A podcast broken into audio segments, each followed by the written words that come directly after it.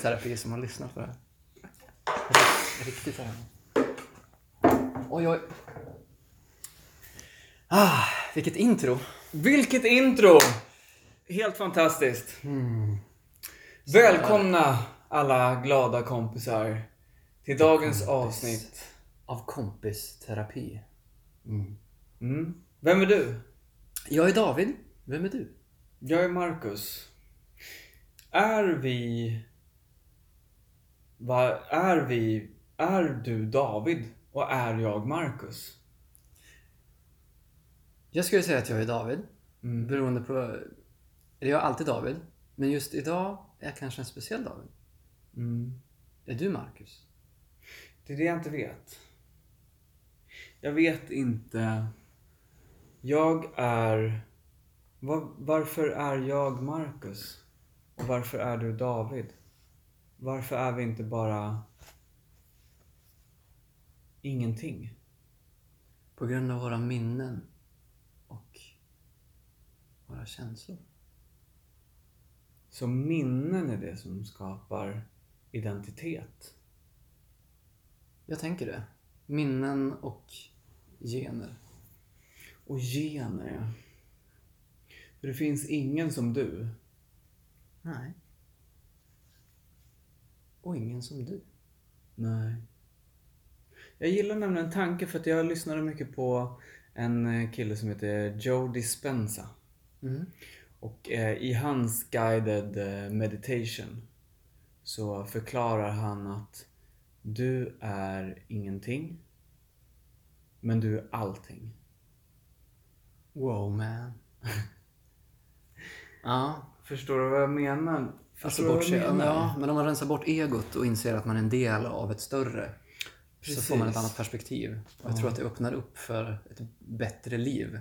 Ja. Och det är... Man, man inser då att den universella kärleken finns i alla individer. Och du är ingenting och du är allting. Ingen... Du är inte bättre än någon, men ingen är bättre än dig. Mm. Yeah. Ja. Det var ju väldigt tungt här i början. Där satte vi ribban. Ja, exakt. Men berätta lite om dig själv. För att vi... Om dig själv? Ja, vi har ju pratat om det. Men jag tänker om du har några nya lyssnare som bara hoppar in i ett avsnitt. Ja, det är sant. Så tänkte jag så här... Ja, nu är det ju det nionde avsnittet. Mm. Eh, Jag kan börja berätta om mig själv. Om mig själv. Eh, Jag heter David. Jag är över 30 år. Jag är musiker, qigonglärare och programmerare. Jag är eh, just nu mitt uppe i en storm där jag håller på med en flytt och byter ut i princip allt i mitt liv utom, utom min flickvän. Mm. Spännande. Ja, det var eh, lite om mig och min situation. Du har märkt att du fastnade där i din storm. Det är Ja. mycket som har hänt. Ja, det är väldigt mycket som har hänt. Och eh, jag skulle kunna prata mycket om det, men jag känner att en snabb presentation är nog vad som behövs just nu. Ja. Jag är Marcus. Mm. Ehm, Jag är snart 33 år gammal. Jag fyller år på onsdag. Grattis i Ja, förskott. det är, nu vet jag inte när det här kommer ut, men det kommer ut... Eh, onsdag är alltså om typ tre dagar. Ja, Ja, två dagar. det är söndag idag. Det är söndag idag. Som vi alltid spelar in. Vi spelar alltid in på söndagar. Ja, det var en podddag. Det är våran podddag. Eh, då fyller jag 33 år. Jag är förskollärarstudent och studerar i Stockholm. Jag... Eh, men gud, jag är ingen lärare. Jag är ingen qigonglärare. Jag gillar, jag gillar livet. Ja. Mm. Kan man säga. Du gillar ju att hålla på med... Vad svårt att presentera sig själv helt plötsligt. Ja, man blir lite satt on the spot. Mm. Ska jag hjälpa till? Ja, gör det. Du är en väldigt... Jag tänker att du är är hälsoorienterad. Du är intresserad mycket av hälsa, av att må bra och att få andra att må bra. Mm. Det var bra. jag tycker det. Jag uppskattar de traitsen i dig. Men jag, jag, innan ehm, jag tänkte gå till mig själv och presentera mig själv så tänkte jag fråga, när du presenterar dig, vad gör dig glad? Musik är det första som jag tänker på. Att hålla på med musik, det är bland det bästa jag vet. Mm. Men när man säger sådär, hålla på med musik. Mm. Är det så att du eh, skulle trivas med att eh, sitta en halv eftermiddag med en mungiga och spela? Eller att hålla på musik är en specifik genre? Vad är det i musik som du gillar att hålla på med? Är det då musik? Eller den här specifika... Det är några olika aspekter. En grej som jag gillar är att spela själv. Om jag sitter hemma och spelar gitarr till exempel. Mm. Det som är skönt med det är att jag, kan, att jag har spelat så pass länge att jag behöver inte tänka på vad jag gör riktigt med instrumentet. Eh, Om jag skulle sätta mig och spela mungiga så måste jag plötsligt lära mig liksom, något nytt och då blir det en process. Utan det jag gillar är att kunna uttrycka mig med sång och gitarr Mm. när jag är själv. Och den andra aspekten är att spela i ett band.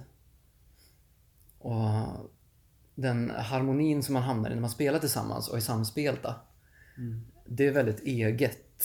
Och det, jag kan tänka mig att det är lite säkert som att spela fotboll. Att spela fotboll själv är säkert inte så kul. Men om man har ett lag och man gör bra ifrån sig tillsammans och, och känner att man blir liksom en organism. Flera personer går ihop och blir en grej. Mm. Den känslan tycker jag om. Och den hittar jag i musiken. Mm. Det tycker jag om att hålla på med, bland annat. Musik, ja. Du då? Vad har du som... ja men om, om man ska gå in på, på det som är liknande då. För det, du uttrycker att du, du gillar att uttrycka dig i musiken. Mm. Så skulle jag nog säga att för mig så är det det visuella. Ja. Kon, det kon, konsten. Skulle jag säga. Rita, måla. Nu har jag även intresserat mig mycket för fotografi. Just det. Ehm, Så, så bilder, det visuella helt enkelt. Ja. Det gillar jag. Det gör mig glad. Och sen så någonting som gör oss väldigt glada, som jag märkt idag, Ja. det är att våren är här. Ja. Solen är Ja, det framme. är att den värmer Ja. våra själar. Helt fantastiskt. ja. Det är så skönt att märka skillnaden när man kommer ut Mm. och inser att man, att man har saknat solen och hur glad man är att det är, liksom, det är ljust. Och man blir varm. Ja. Åh, varm. Ja, det är underbart. Men vad är det konsten då som du känner att du, om, om du bryter ner det liksom, Ja. Är det uttryckandet på samma sätt som jag känner eller är det något annat? Vad är det som triggas i dig när du håller på med konst? Fotografi och mål? Ja, ehm, det som mycket, när det kommer till fotografin så har jag märkt att jag gillar det som är färg. Mycket färger. Okej. Eh, när det kommer till konsten så har jag varit i väldigt många olika skeden. Men surrealismen är någonting som jag har dragits till Okej. väldigt mycket. Ja. Det surrealistiska. Det som inte riktigt går att förklara. Det som inte... Och även det abstrakta. Det som måste tolkas. Det som måste tolkas, ja. Mm. Det som talar om någonting eh, om personen. Som ger en, en viss tanke. Som ger en, skapar en viss känsla. Att se ett fotografi eller en målning. Eller kon, inom konst. Eh, att se en målning, eh, någonting som är skapat som är väldigt fotorealistiskt, Mm. intresserar inte mig. Att se en tavla, jo absolut jag kan fascineras av den.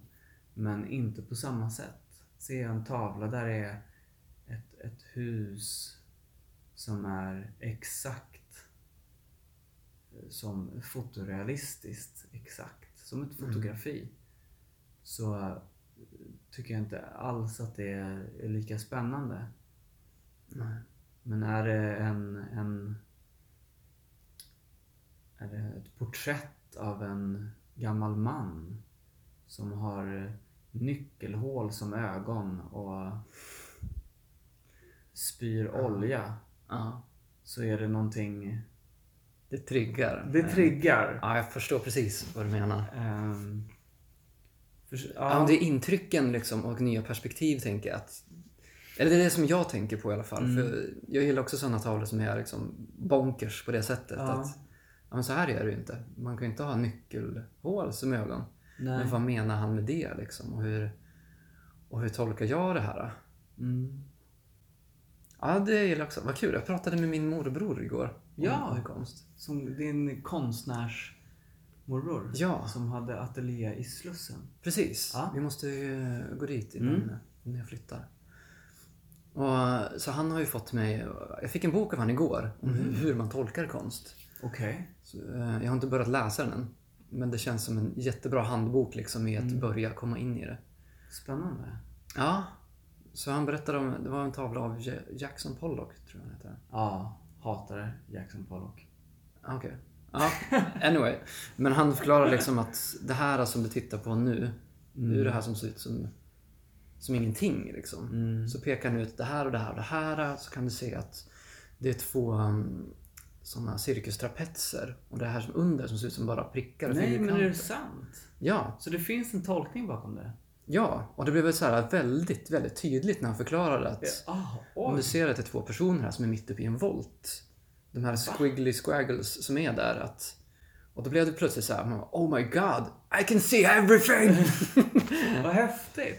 ja, Det är hur coolt som helst. Alltså, och det, då tar jag verkligen tillbaka det. Att jag hatar det. För då är det... Då, då säger jag... Då får jag, då får jag omformulera mig. Och Ja. säga... Jag visste inte bättre. jag hatar... Eh, eller jag, jag... Jag hatar att jag inte förstår ja, konsten. Men, nej, men han, han, för de som inte vet Jackson Pollock så kan ni bildgoogla men det är väldigt mycket färgstänk. Är det inte så? Alltså mycket duttande färger, alltså hälla upp och ner. Spruta ut färgerna på ett canvas. ja, jag undrar om jag sitter och ljuger nu. Om det, om det verkligen var han som hade gjort den här tavlan. För det är väldigt, väldigt färgklickigt överallt. Och det har jag fått, haft väldigt svårt att förstå vad det är. Det, det som gör mig... ehm, varför, an- anledningen för att jag sa att jag avskydde eller hatar det är för att jag inte riktigt... De är ju väldigt dyra. De är ju otroligt dyra. Det är väl Ja, miljarder som de går för. Och det är fortfarande inte något som jag eh, skulle... Jag, jag, jag tycker inte att det krävs så mycket för att göra såna här färgsplashes. Eh, och låta dem gå för miljoner i valuta. Nej. Du, jag tror att jag ljög. Jag tror inte att det var han som hade gjort den här. Nej. Men det var... Ja, det får jag kolla upp. Ja men det får du Så kolla. ska jag, ja, så ska jag visa. Det kanske är någon lyssnare som kommer på att, ja men just det, trapetserna, de vet jag. Ja, precis. Då får man gärna säga Mm. till. Mm. För jag kan inte så många konstnärer att jag... Nej, Speciellt nu när jag precis har börjat liksom. Ja. Men jag tänkte, jag, jag tänkte om du ser trapetser och grejer i de här färgsplasharna som Mm. Jackson Pollock gör, då vart jag väldigt intrigued. Ja. Jag ska se om jag... Det här är ju jävligt vague.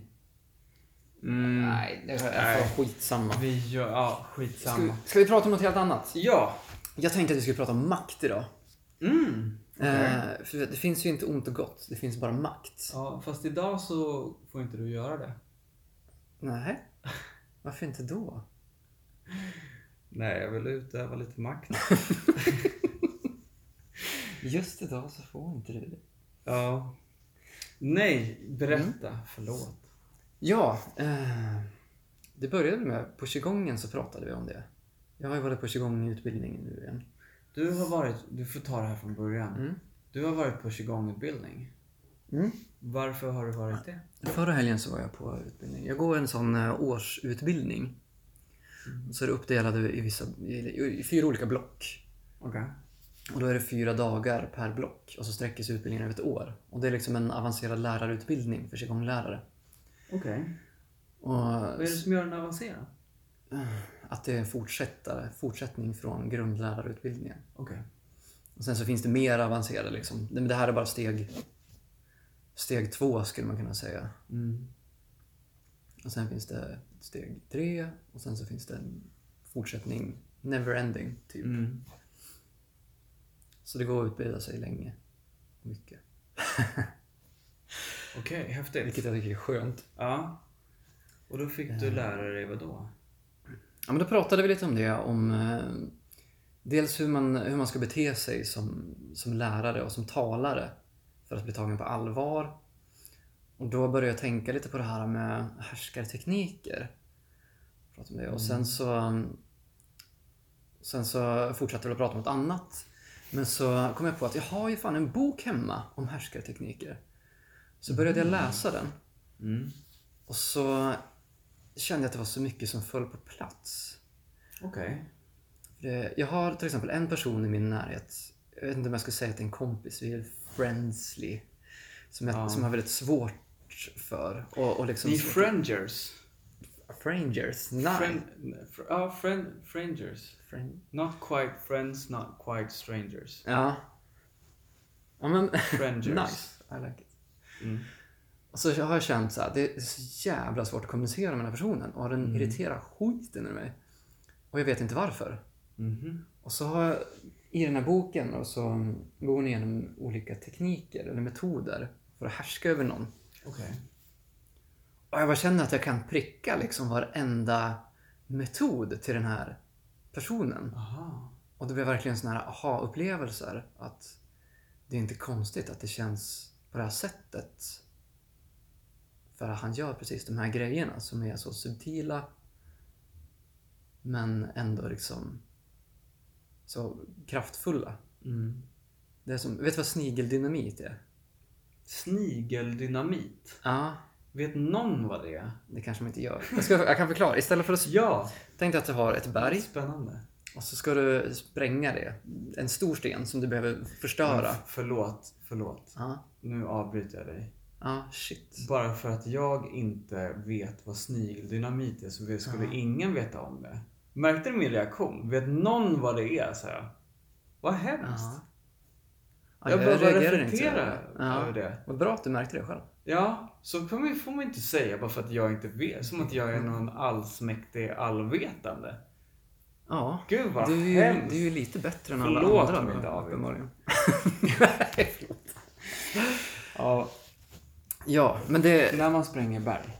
ja, det, finns, det finns ett sätt att göra det. Så om man inte vill spränga med dynamit så kan man göra ett hål i den och så på något sätt så ska man kunna hälla i vatten i det här hålet. Och sen så smäller man till det och gör så att det blir tryck i hålet med vattnet så att det expanderar. Okej. Och sakta, sakta så expanderar det så att till slut spricker den här stenen eller berget. Jaha, häftigt. Ja, eller hur? Jag kan inte riktigt hur det funkar, men det, jag vet att det finns en sån teknik liksom. Ja. Och det tänker jag att det är lite som, som härskartekniker. Att man lägger in liksom ett frö som får den andra personen att må dåligt utan att riktigt fatta vad som har hänt. Ah, vilken bra synonym. Thank you. Men så då började jag fundera mer och mer över det här. Nu ska jag, vill ha lite background? Vad, vad det Ja. kommer ifrån? För det tycker jag var så intressant. Vad vad kommer ifrån? Det här med begreppet härskartekniker. Ja, ja gärna. Eh, Det började i Norge. Hos, på kommunfullmäktige. Mhm. Det var en del kvinnor där. Som inte pratade så mycket. De liksom kände att men jag vill inte prata för det här. Och jag, jag tror inte att de, det jag säger är inte så himla viktigt. Och, Mm. och när de började samtala med det så var det en av dem som sa att "Ja, men det här är väldigt konstigt. Vi borde ju inte vara sämre än killarna på att prata liksom. För hon, eh, den här Berit Ås, vad var hon? Hon, eh, var professor eller någonting, eller ja, väldigt påläst, intelligent och, och var liksom kunde konstatera att ja, men, män och kvinnor är liksom lika bra på att prata, vi har samma intelligens. Att eh, kvinnor inte skulle ha någonting att komma med i politiken, det, är liksom, det finns ingen belägg alls för det. Så hon tog ett steg tillbaka och började observera vad som händer när folk pratar i rummet. Och så sakta så började hon skriva ner liksom alla beteendemönster som hon såg. Och märkte till exempel att ja, när kvinnorna går upp och pratar, då är det många av männen som går på toa, börjar prata med varandra. Kanske plockar upp en tidning, börjar läsa. Aha. Eller liksom eh, ger svar helt avbryter när de pratar. Och massor av sådana grejer som de inte gör när killarna pratar. Mm. Så då, då bröt hon ner det här och skrev en bok om det. Mm. Och tog fram liksom fem exempel, fem tekniker som man radar upp. Och så var tanken att ja, men det här kan vi använda så får ni liksom lära er att det här är ni tjejer som pratar, det är inte ert fel. Utan det här är... Ja, jag... Kan ha en sån här kanske. så Ja. pratar Att det här beror inte på er, utan det här är omgivningen som gör att du känner så här. Mm. Och då tog hon upp de fem härskartekniker som hon tar upp är osynliggörande, förlöjligande, undanhållande, undanhållande av information, dubbelbestraffning, påförande av skuld och skam. Det låter så jävla hemskt och det är ju det också egentligen. Ja, men du får ta dem igen. Mm. Eh, ska du gå igenom dem? För jag vill... eh, Ja, lite grann. Ja. Däremot den här Nice. boken som jag håller på att läsa så tar hon upp sju andra som hon har själv. Så det, det är sju andra liksom, metoder. Mm. Men vi kan gå igenom dem lite snabbt, som Berit Ås har. Och det är osynliggörande, vilket man kan använda för att få en person inte känna sig sedd. Mm. Som att eh, sitta och kolla på telefonen när någon pratar. Mm. Förlöjligande och säga Nej men lilla gumman. Nej, Ah, men jag vet inte riktigt vad du pratar om. Så underminerande... Ja, så man känner sig löjlig. Jag går över snabbt igenom, men jag tänker Ja. att vi kan gå mer djupt in på de, på de andra sen. Som med. Undanhållande av information. Bjuda in grabbarna på drinkar liksom, och berätta Ja, men jag tänker det här och det här, så här kan vi göra på mötet nästa vecka. Och de som inte är med, de missar det. Liksom. Mm. De är inte med på noterna. Dubbelbestraffning, det är när man inte kan göra rätt. Om du, om jag ger dig kritik, du säger det är ditt fel. Liksom, att det är inte mitt fel, du är så känslig. Jaha, okej. Och påförande av skuld och skam. Det, nu ska vi se, inget exempel på det, men det kan ju vara vad som helst. nästan. Mm. Gud, det här är tunga grejer. Ja, så jävla spännande. Mm. Så har jag på att läsa, jag tog fram den här boken. Mm. Härskarteknik heter den av Elaine Eksvärd. Elaine Eksvärd, ja. Just det, hon är Mm. väl... Vad är, vad, är, vad är hon? Hon är ju. Hon, hon är genusvetare, hon är Ja. VD för ett företag och... Och hon håller på med ett, alltså... Tal. Alltså någon Ja, form av... retoriker. Retoriker, va? Ja, precis. Just det. Mm, spännande. Ja. ja men så hon har tagit fram några, såna- några metoder då. Mm. Som är. Ska jag gå igenom dem? Ja, gärna. Så, um, så kan vi prata om dem. Mm. Och den första som hon går igenom, det är det hon kallar för projiceringsmetoden. Projiceringsmetoden. Ja, det är lite det här, ja men du då. Om man eh, kommer med kritik till någon. Det är lite samma som den här eh, dubbel... Ja, men eh, till exempel, ja men vad känslig du är. Eller när någon, om någon klagar. Den klassiska, ja men har du mens eller? Kommer du ihåg från, Mm, från liksom mm. mellanstadiet? Just det. Eller den här som är en personlig favorit. Eller som jag har upplevt då. Så, vad tråkigt att du tycker så. Mm. Så vad man säger så har man liksom fel. Att det Ja. kommer tillbaka. Det är som en sköld som man är uppe där allting bara studsar tillbaka. Man, precis. Man tar inte in någonting. Nej. Så här, ja, vad du säger det spelar inte så stor roll Mm. faktiskt. Jag tänker att det är en reflexmässig eh, reaktion på något sätt. Precis. Att där man har fått... Det är någonting...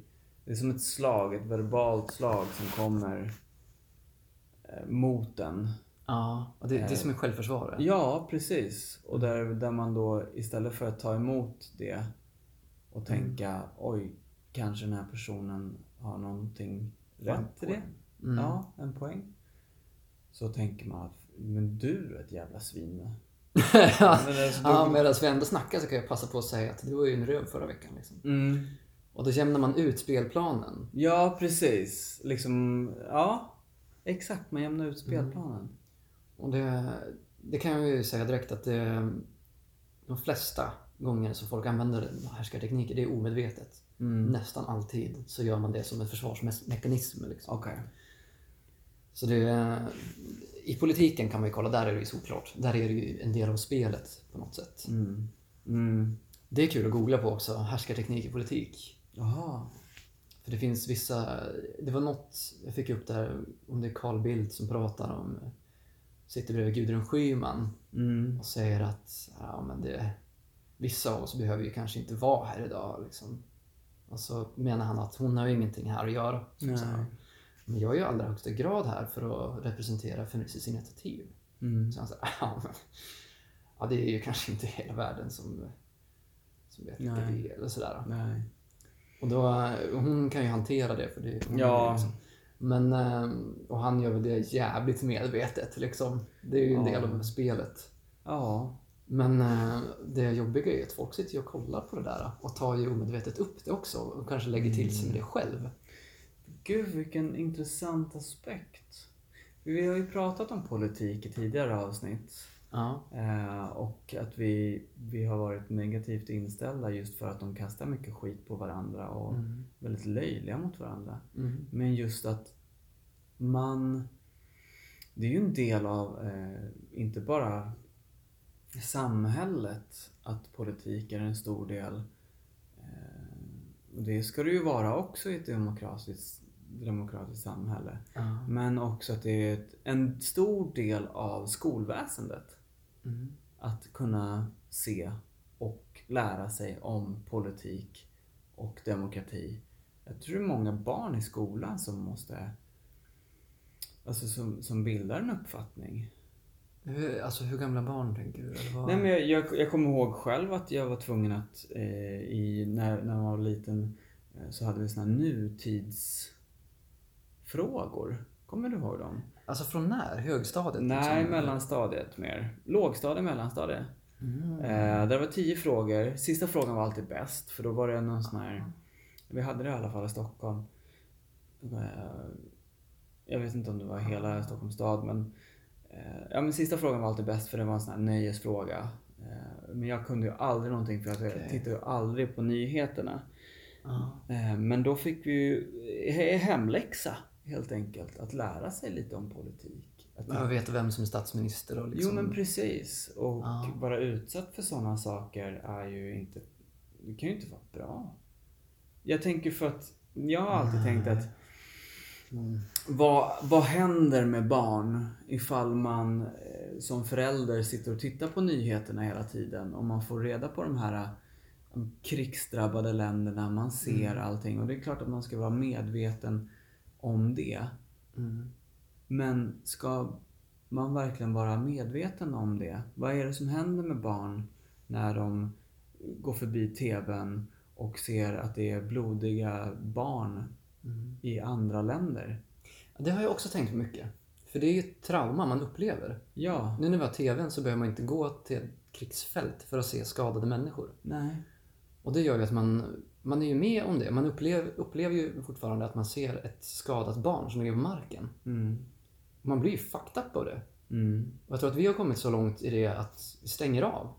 Om jag ser, Ja. om jag ser en reklam liksom från eh, ja, men, sjuka barn i Afrika så, det så här, byter jag liksom kanal utan att tänka. Liksom. Mm. Och samma sak när jag får hem eh, papper från eh, vad är det, SOS-byar. eller Ja. Du vet alla såna här som man har skänkt pengar till och så skick, sätter man på mejllistan och så får man papper. Och så får, öppnar man sig kuvertet och så är det en bild på ett sjukt barn och så slänger jag det i papperskorgen utan att tänka liksom. Och så tänker jag att nu fan slösar ni träd igen i det jävla liksom. Ja. Man blir så avtrubbad och det är ju helt sjukt. ja. Men nyheter rapporterar ju bara vad som händer, aldrig vad vi skulle kunna göra någonting åt det. Nej, precis. De bara, kolla här. Ja, precis. Nästa, kolla här. Och det är ju aldrig positiva nyheter. Nej. Och då tänkte jag, så- det, jag tyckte det var så himla intressant när du sa att vad är det som händer när man utsätts för, för det saker och ting eh, som i politiken också, när de kastar skit på varandra. När man ser de här härskarteknikerna Ja. i, i serier, i politik, på nyheter, överallt. Vi måste ju... Allting vi ser är ju det som händer i det medvetna. Mm. Och det blir, vi blir utsatta för är ju bara en, en programmering till det undermedvetna. Jag hänger inte med. Allting, jag, jag tänker så här. Kroppen är som ett fartyg. Ja. Dina ögon är där kaptenen står. Och han ser ju allting. Vi ska åka dit, vi ska dit, vi ska dit, vi ska dit. Mm. Det här rapporteras ner till personerna som jobbar i maskinrummet. Och det är det då det undermedvetna som säger okej, så här är det. Det vi ser programmeras alltså in i det undermedvetna. För det är så det är. ja. Det var verklighet liksom. Det är vår verklighet. Mm. Och det undermedvetna kan vi ju inte... Vi kan med meditation och djup mindfulness komma åt det undermedvetna och reprogrammera det. Mm. Men det är väldigt svårt och det krävs ju att man tar sig tid till det. Mm. Men annars så är det ju så att vi, vi ska, vi är på ett visst sätt för att vi har levt det så himla länge. Ser vi alla de här reklamerna om eh, att eh, fluor ger starka tänder. Mm. Ja, då blir det vår verklighet. Då blir det ju vår verklighet. Mm. Nu, nu finns det ju mycket konspirationstankar kring det och man vet ju inte riktigt vad som är sanning och inte sanning. Eh, men jag har lärt mig i alla fall att man inte ska tro på allting man ser. Nej, precis. Och den vinkeln tycker jag att folk använder lite...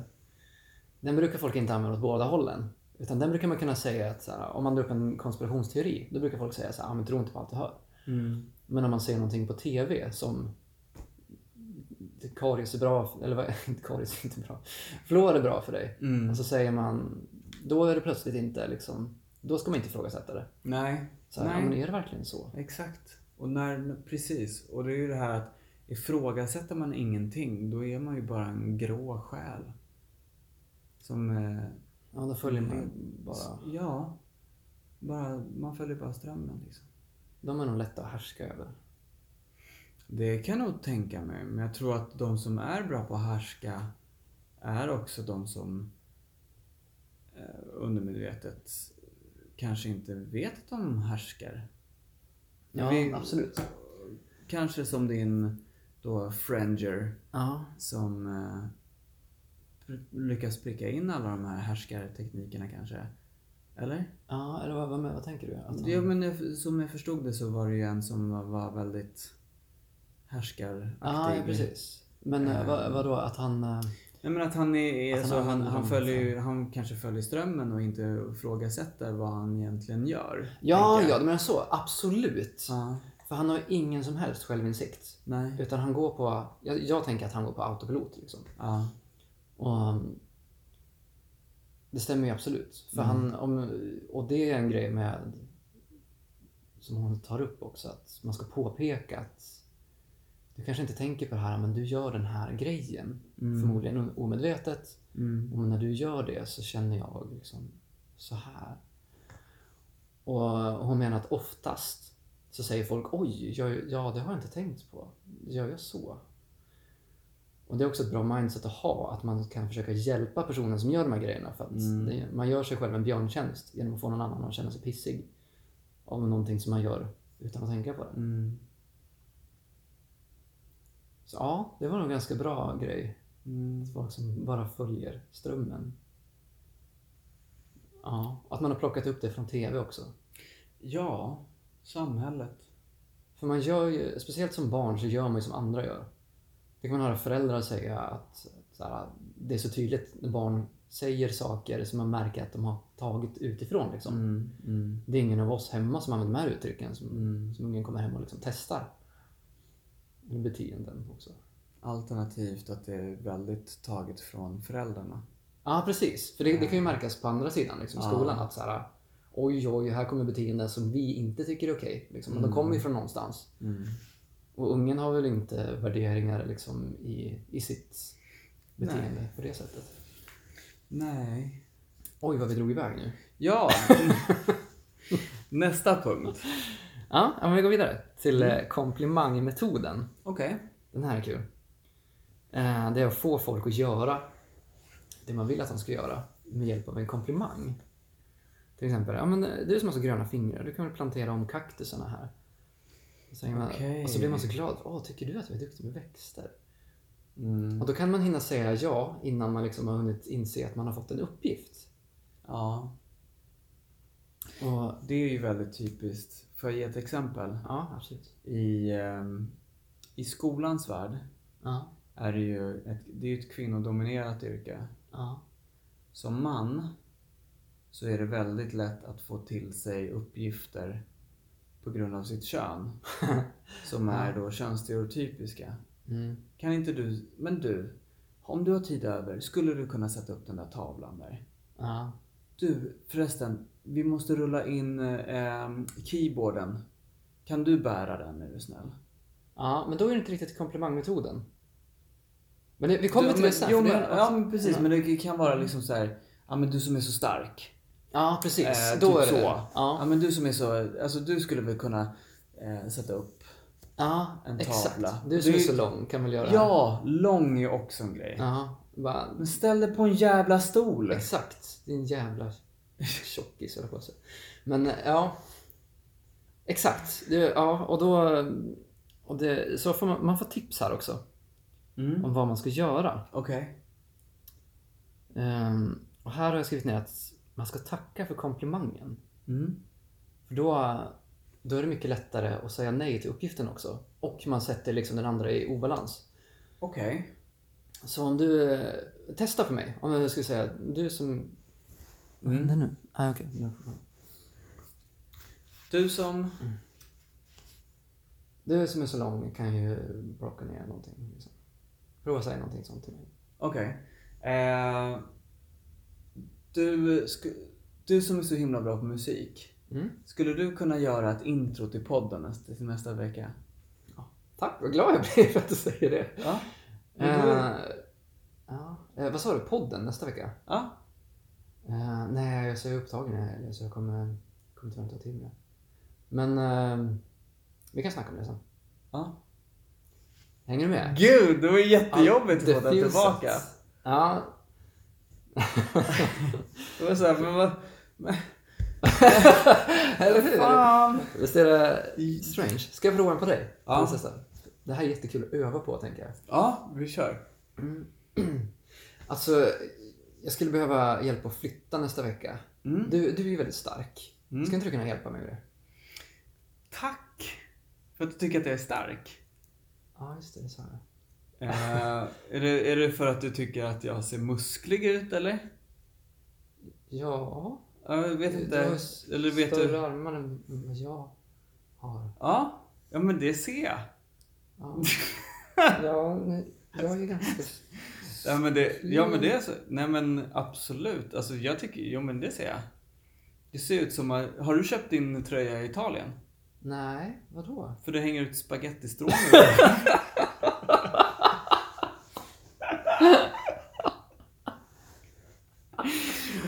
Du kan flytta det ditt egna jävla skit. Exakt.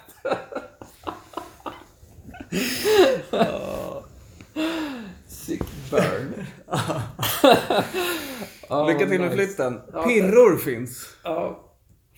ja, men eller hur? Nej, det kanske var lite för mycket men Alltså, det kändes väldigt sjukt. Eller hur? Men jag tycker att det... Alltså, ofta Det var inte meningen att, att, att nedvärdera. Nej, men det var ju bra.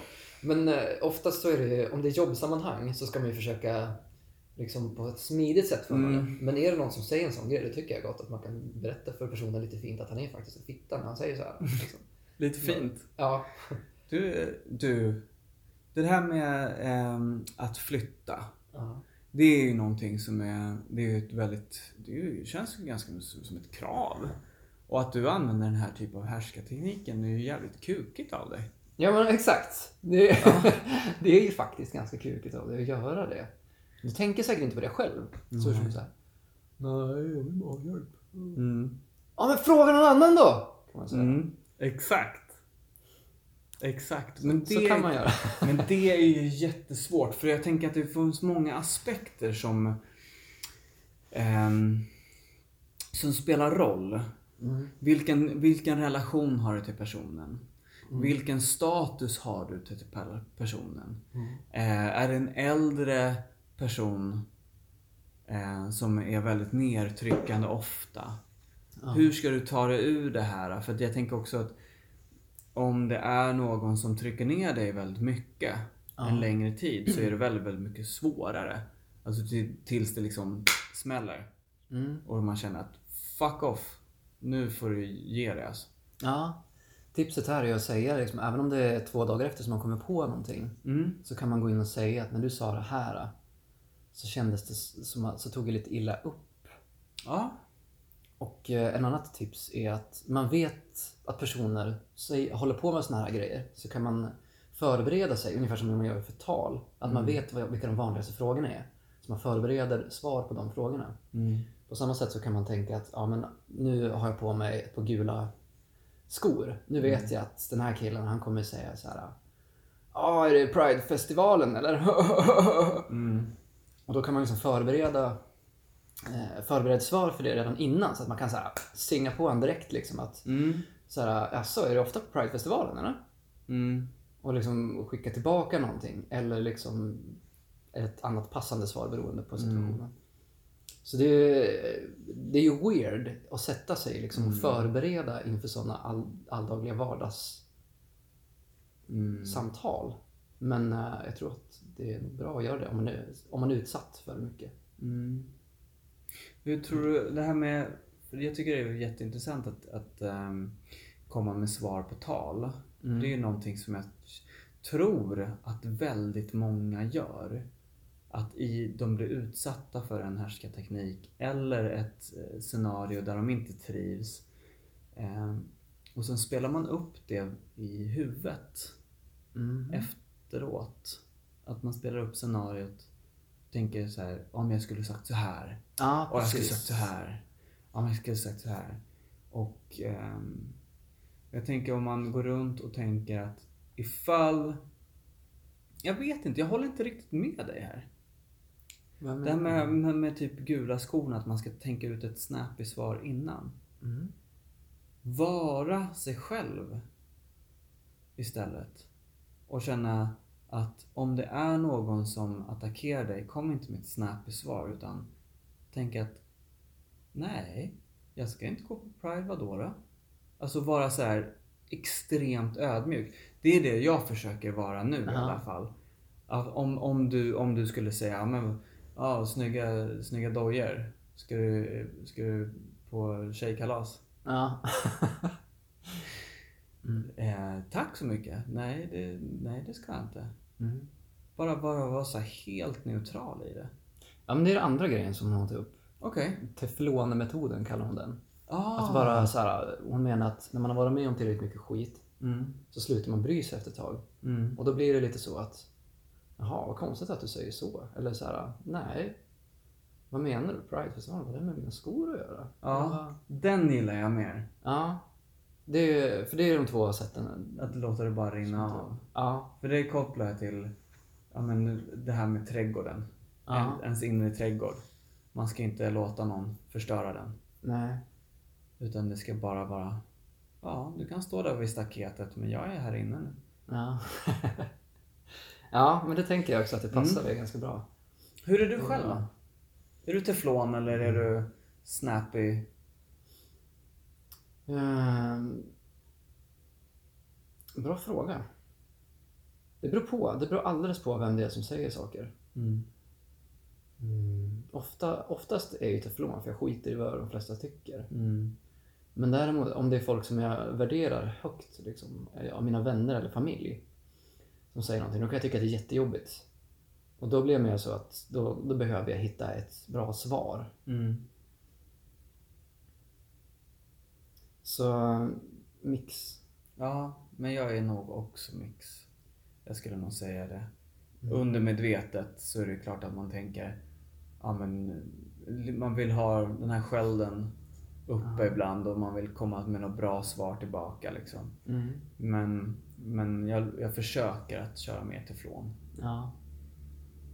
Jag, Jag tror att det är bra. Då behöver man inte lägga ner energi på att sitta och komma på saker. Men eh, så länge man får den andra personen att inse att, den liksom, att det här kanske är en orimlig sak att säga. Mm. Att han blir medveten, han eller hon blir medveten om liksom sitt Mm. beteende. För oftast är det som sagt omedvetet. Mm. Och det kan man ju få fram med båda de metoderna. Liksom. Och ett snappy svar är ju- kan ju bara förvärra situationen. Om man Ja. är, men eh, det behöver inte vara snappy. Liksom. Man kan istället bara förbereda att nästa gång jag säger någonting så ska jag säga att det är vilken verk, märklig sak att säga. Mm. Då har man ett svar förberett. Mm. För redan där så ändrar man situationen. Ja. Att, uh, jaha, vad, vad, men, vad, vad då? Varför var det märkligt att säga? Ja men, eh, varför påpekar du mina skor? Mm. Jag tycker att de är fina. Du får tycka vad du vill. Ja, ja. hej hej. alltså. Nej, men jättebra. Gud, jag lär mig massvis. Men visst är det intressant? Ja. Eh, jag ska se om jag har skrivit något mer om den komplimangmetoden. Ett sätt, det här är nog uni- universellt funkar på alla, men om matchar personens kroppsspråk så är det lättare att hålla god stämning efteråt. Mm. Det vill säga om någon kommer in eh, och jag säger Hej! Och du som är så glad och trevlig, kan inte du ta, ta emot gästerna som kommer eftermiddag? Och då ska man liksom försöka matcha det och så här. Åh tack! Gud vad glad jag blir att du tycker att jag är så trevlig. Åh gud, det låter ju jättenegativt. Ja, jag vet, jag kan göra det, men eh, det är jävligt avväpnande. Men Samtidigt så skapar man liksom en, en relation, man får försöka inte vara ironisk liksom. Ja, precis. Det är ju det. Utan att man får verkligen försöka och möta den i samma, Mm. eh, samma mode. Ja. För då, då blir det lättare att, att undgå det här. Istället för att säga Ja, ah, kul att du tycker att jag är glad, men eh, det här är ju... Mm. Det får du fan göra själv. Mm. Då blir personen irriterad och så går den förmodligen iväg och så börjar den... För att diffusa det så måste den snacka skit med någon oftast. Mm. Och det vill man ju inte gärna ha. Nej. Ja, men jag ska gå vidare. Mm. Eh, stereotypmetoden. Okej. Och, och det är när man, alltså det är ju fördomar liksom. Mm. Den här fick jag ganska nyligen en, eh, ett smakprov på. Stereotypmetoden. Okej. Så, um, ett exempel var inredning. Ja, men det, det kan ju tjejerna och bögarna göra liksom. Ja. Det var en sån som hon Någon tog som upp. sagt det? Ja, i boken så var det ett exempel. Att det var någon som är... Och det är en sån eh, jätte, extrem, extremt exempel Mm. på stereotyper. Mm. Och att eh, så här, ja men eh, du som är kille. Nu kommer ju den in lite också. Mm. Du som är kille, du kan väl bära de grejerna. Bara för att jag är kille. Tänk om jag har Mm. ryggproblem då? Då vill Ja. jag bära din tunga skit liksom bara för att jag är kille. Mm. Eller det här med att man skulle tycka om inredning för att man är bög. Mm. Det är också, det är ju helt spännande. Jo men jag förstår liksom inte vad så om man Alltså om man gillar att... att om, om, Jag kan ta några exempel. ja, gör det. Eh, det var en tjej i boken som hade, som hade fått eh, en ung tjej som var blond. Och folk hade kommit så här, "Ah, får du, får du hjälp nu med min chefsroll här? Bara, "Va- vadå menar du? Ja, alltså du du Ifall du behöver hjälp med någonting så, Mm. så säg till det. Liksom. Okej. Och då eh, så märkte hon att när hon färgade håret brunt så fick hon mindre sådana liksom, re- reaktioner på att hon var chef och ung. Och, mm, så att man blir behandlad olika på grund av liksom... Bara hårfärg? Ja. Alltså så när hon var blond så fick Mm. hon mer approach för att bli hjälpt. Ja, och, hon, Och sen färgade hon håret och då fick hon mindre... ja, men blev bemött på ett annat sätt. Ja. Liksom. Och det är också det där att man, det var några fler tjejer också som hade den här blondgrejen. Att, mm, och färgade håret brunt. Mm. Så var folk mindre benägen liksom att förklara saker eller liksom vi bemötte med ett annat sätt. Med liksom, som att hon hade mer intelligens när hon Mm. var brunhårig. Okej. Det är intressant. Ja, ganska prickat. Och så... Mm. Och vi är ju så, för vi, alla människor, vi, vi placerar ju folk i fack. Det är ju det vi gör automatiskt. Liksom, att vi, vi antar en massa grejer om folk. Ser vi någon i en fin kostym så tänker man ofta så här, om han tjänar bra med pengar. Mm. Eller är det en viktig person liksom. Precis. Så man gör ju massa sådana dumma antaganden. Mm. Och... Ett exempel från det här var att eh, det var en kille som eh, var homosexuell som hade fått höra så här, Jaha, är du bög? Men du är ju inte alls fjollig. Mm. Och då menar de att som, eh, som svar på tal så kan man säga, jaha, men hur många bögar känner du egentligen? Mm. Så, för man kan ju inte göra sådana antaganden om man inte känner åtminstone tio personer inom en Nej. grupp. Liksom. Nej. Ett annat exempel var liksom, ah, fan jag hatar ryssar. Så, okej, Känner du många ryssar? Mm. Och det funkar ju på... Jag tror att det är jättevanligt att man, man grupperar folk. Du vet, Det är klart. Du vet, både du och jag har ju säkert vi har skägg och långt hår. Mm. Får ju alltid när jag ska flyga, då kommer ju alltid så här stickprov på han. Är det så? Ja, absolut. Varje gång. Men du är mörkhårig, jag får inte det. Är det inte? Jag är ju blond. Ah. Det kanske är det. Ja, det är klart. Jag Det- har det väl är lite det. Och du har ju mer- terroriststämpeln på mig. Du är ju, jag- ja du är buskigare. Ja, håriga det? armar Du också. är hårig- Shit, du är hårigare. säkert terrorist liksom. Ja. Nej men däremot så får jag ju mindre nej, stereotypiskt för att man har massa tatueringar. Ja, som precis. vi har pratat så mycket om innan. Det är det ju. Och det är liksom, är det någon som kommer fram till mig ehm, och vi har börjat prata musik Mm. så är det ju, alltså, då, då tror ju de flesta att jag är någon form av rock, rockare. Jaha. Någon hårdrockare. Och visst, absolut så kan jag lyssna på det, men jag kan ju lika gärna lyssna på jazzig eh, hiphop. Mm. Utan man, man blir ju liksom inte så som man ser ut. Men det är ett antagande liksom. Ja, Så här, ja men du har tatueringar, då lyssnar ju du. ja precis. Så gillar du också Iron Maiden? Ja. Va? Nej, gör jag Varför, inte. varför skulle jag göra Så, här, jaha, oj du har tatueringar? Ja, åh gud. Mm. Hur länge har du varit ute? På sjön? Ja, det är ju också en sån grej. Ja, nej.